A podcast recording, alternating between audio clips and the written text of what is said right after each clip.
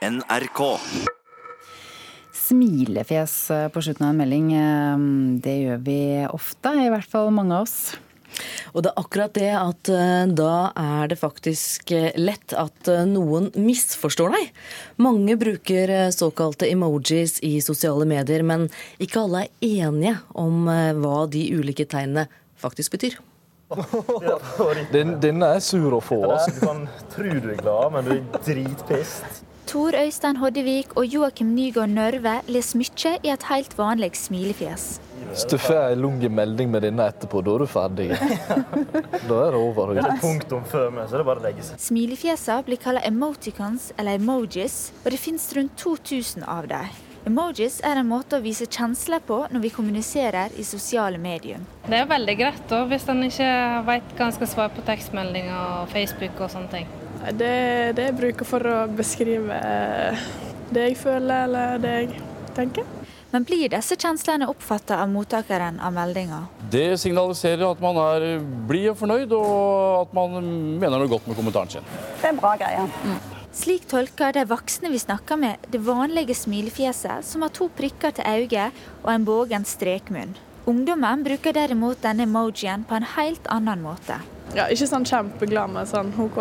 Sånn delvis glad? Eh, denne syns jeg er litt eh, sketchy. du vet liksom ikke helt hva den betyr. da. Den er litt creepy, da. Egentlig litt falsk. Altså, det er nok et skille mellom min generasjon og selvfølgelig den eldre generasjonen igjen, og så de som er yngre. Det sier norsklærer Anette Drage, som sjøl har opplevd slike misforståinger. Jeg skrev et helt vanlig smilefjes på ei sånn gruppe som vi har, og tenkte at da var jeg blid. Men da tenkte de at det var sånn, ja, at jeg var litt sånn sur. At emojis er en trussel mot språket, er ikke læreren så sikker på. Jeg vet at mange mener at det kanskje blir fattigere. Men jeg er ikke helt sikker, fordi at når kommunikasjonen vår blir så knapp som den blir skal jo, Kommunikasjonen skal jo hele tida være mest mulig effektiv. Og når vi skal si mest mulig på færrest mulig ord, så tror jeg kanskje egentlig emojis beriker det på en måte. Noen faresignal ser hun likevel. Hvis en tenker på utvikling av språket til unge folk, så blir det kanskje fattigere fordi at språkutvikling eller språktreninga blir dårligere, på en måte. Både norsklæreren og folk på gata bruker emojis, men mener de passer best i visse sammenhenger.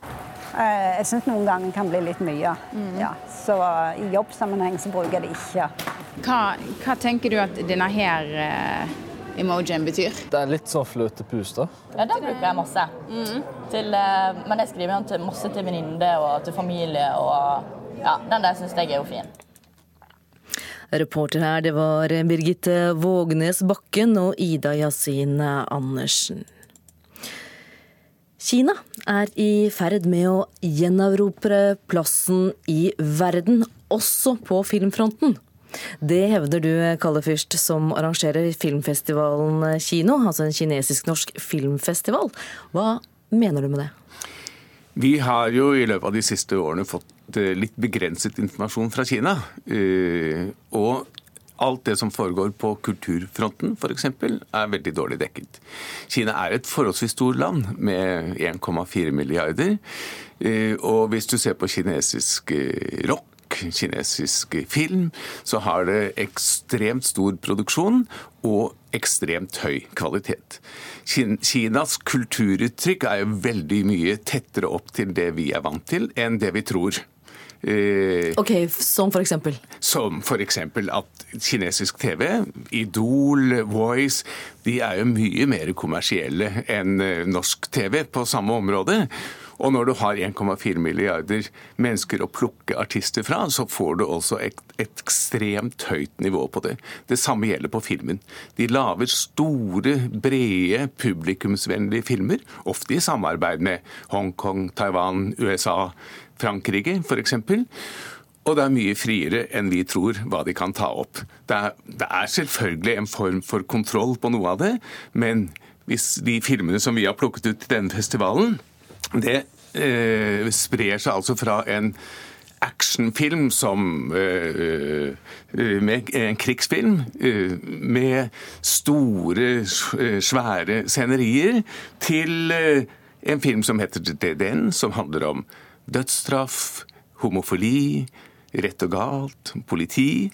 Altså, så det er mye bredere enn det vi tror. Og så ligger det mye skjult symbolikk i veldig mange av filmene. Så det er veldig spennende og veldig høy kvalitet. Og vi er nødt til å orientere oss igjen mot hva som foregår i Kina. Det er i ferd med å ta den plassen den hadde i et par tusen år, nemlig som verdens største land. Eh, og, så vi må vite mer om det. Det er et viktig land, og det er et land med høy kulturell verdi. Og nå blir det altså en slik eh, festival. Eh, det skjer nå på Odeon kino i Oslo i morgen at det starter? Da starter det med Operation Red Sea. Og så har vi eh, seks andre kinesiske filmer som vi kjører på lørdag og søndag. Vi skal høre bitte litt fra Operation Red Sea aller først. Mm. This is our target. My guy says that he's just acquired the technology to make dirty bombs.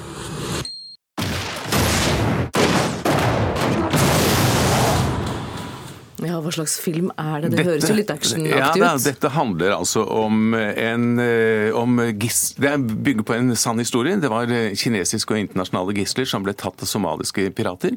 Og så gikk den kinesiske marinen inn og hentet ut disse, uh, disse gislene. Det er litt sånn Mission Impossible, og også på samme action-nivå og samme kvalitet.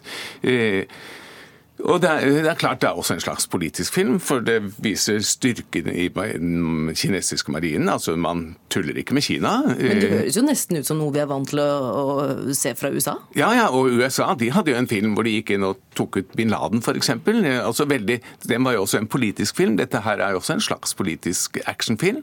Eh, og vi er, vi er vant til at det er helt greit at amerikanerne gjør det, men vi syns det er litt guffent når kineserne gjør det. Hvem er det dere håper å nå med festivalen? Ja, Vi sikter ganske bredt. Altså De smale kinesiske filmene de kommer på eh, Film fra Sør- og Tromsøfestivalen og sånt. Vi har tatt bredere publikumsvennlige filmer. Eh, eh, den eh, siste som vi har fått, eh, som heter 'Legend of the Demon Cat', eh, det er litt sånn fantasyfilm. Litt som 'Snikende tiger, skjult drage'. altså historisk film med noen fantastiske scenerier fra gamle Kina. Og så er det en veldig spennende film som heter 'Den siste ulven', Wolf Turrier, eh, som handler om en rødegardist som dro til Indre Mongolia trodde han skulle redde verden, eh, og så viste seg at det var helt feil det han eh, hadde som ideologisk eh, bakgrunn når han reiste. Så det ligger også politikk i, i mye av dette. Og det høres variert ut for den kinoglade festivalgjengeren? Det er det absolutt. altså. Det er liksom fra So Young, som er en sånn liten uh, historie om studenter på Kina på 2000-tallet, og hvordan det gikk med dem. Veldig sjarmerende og fint. Og så er det uh, Final Master, som er en uh, actionfilm. altså, ja, Material Art. Så det er alt mulig. Mye å glede seg til. Takk skal du ha, Kalle Fyrst, kunstnerisk ansvarlig for den kinesisk-norske filmfestivalen Kino på Odeon kino i Oslo.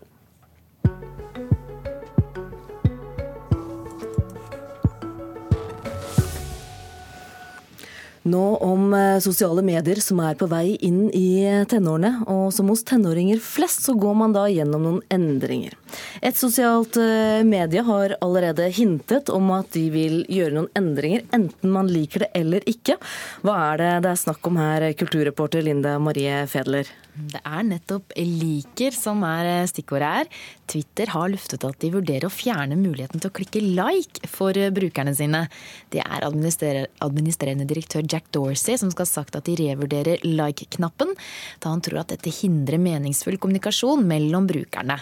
Og ifølge avisa The Telegraph sa han at eh, de kommer til å kvitte seg med denne meget snart.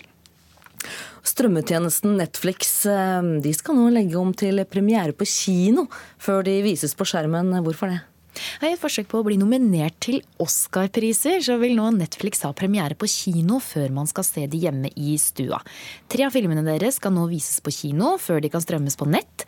Planen er at filmene skal gå på kino i én uke før de slippes på nettet.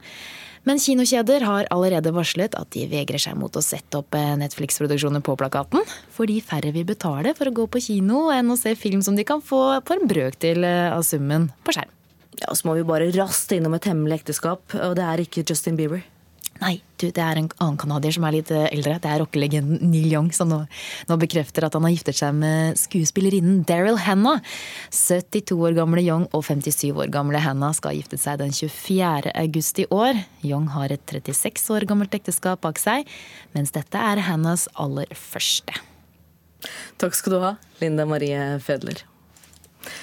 Nå skal det handle om eh, standup, for eh, på Kulturhuset Latter i Oslo er det en tradisjon med julelatter, et standupshow med juletema. I år er det NRK-profil Nicolay Ramm som sammen med Rasmus Wold og Jørgen EP sprer eh, juleglede på Aker Brygge. Nicolay Ramm vant årets publikumspris under Gullruten, og er bl.a. kjent for flere programmer som er knyttet opp mot vinterarrangementer, som bl.a. dette. Hvor god er Tiril Eckhoff til å holde fokus på skytebanen? Det skal vi finne ut av nå. Dette er det som kalles et uh, dressurhalsbånd. Der. Nå er du altså, bokstavelig talt my bitch. Der går jeg! Det går bra, Tiril. Nå skyt. Jeg gir deg nesten ingenting. Det er på svakeste. Var det skummelt? Dritekkelt. Jeg tror ikke den er ment til å ha rundt halsen for mennesker. Ja, den som var i tvil. Dette var også hentet fra Nicolay Rams programmet Vinterlol. Og det var skiskytter Tiril Eckhoff som ble forsøkt eh, dressert. Karen eh, Frøsland eh, Nystøyl, teaterkritiker her i NRK. Du var på premieren på Julelatter 2018 i går kveld. Hva er hovedinntrykket ditt? Det er at dette var helt greit. Jeg tenker at denne trioen godt kunne ha gravd dypere og vært mer eh, originale. Eh, og utfordra seg sjøl mer. Eh, og òg faktisk bretta ut juletematikken enda mer enn det de faktisk gjør i dette showet. Så for meg så ble det ganske klart at de har mer å gå på enn det de fikk vist i går. Så det er, for meg så er dette her et ujevnt show, men med noen gode numre. Hva var det de kunne jobba mer med? Jeg ser jo når jeg, Etter et kjapt søk på nettet, så ser jeg at de gjentar en del sketsjer som allerede ligger ute på YouTube og andre steder som små klipp. Og jeg tenker at det, her går det an å tenke nytt når man først har et eget juleshow på Latter. Eh, og for å ta eh, sportsparodiene til Nicolay Ramm, da, så, så ser jeg òg at det å Altså overgangen eh, med å gjøre en parodi på TV og, og gjøre en på scenen kan være ganske ganske stor. På TV så har du ganske kort tid på å parodiere f.eks. Marit Bjørgen, mens her varer jo den parodien på showet, så varer den i fem minutter i hvert fall. Og det er vanskelig å holde opp det trøkket som man forventer av en Nicolay Ramm-parodi på f.eks. da Marit Bjørgen. Um, så her òg merker jeg at det er mer originalitet å gå på. De to uh, sportsprofilene som ble parodiert, var Gjert Ingebrigtsen og Marit Bjørgen, og de var veldig like. Begge begge hadde som mål å pushe barna til å bli best, faktisk begge to.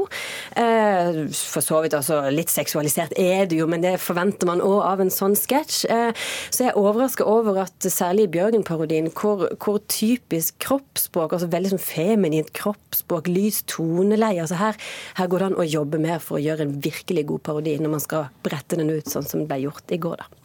Men hva var det du synes fungerte godt da i dette showet? Jeg syns Rasmus Wold, eh, en av de tre, gjorde en veldig god figur. Han lekte seg med språket. Han hadde en egen sketsj der han leka med ordene opp og ned. Var, det var kjempegøy.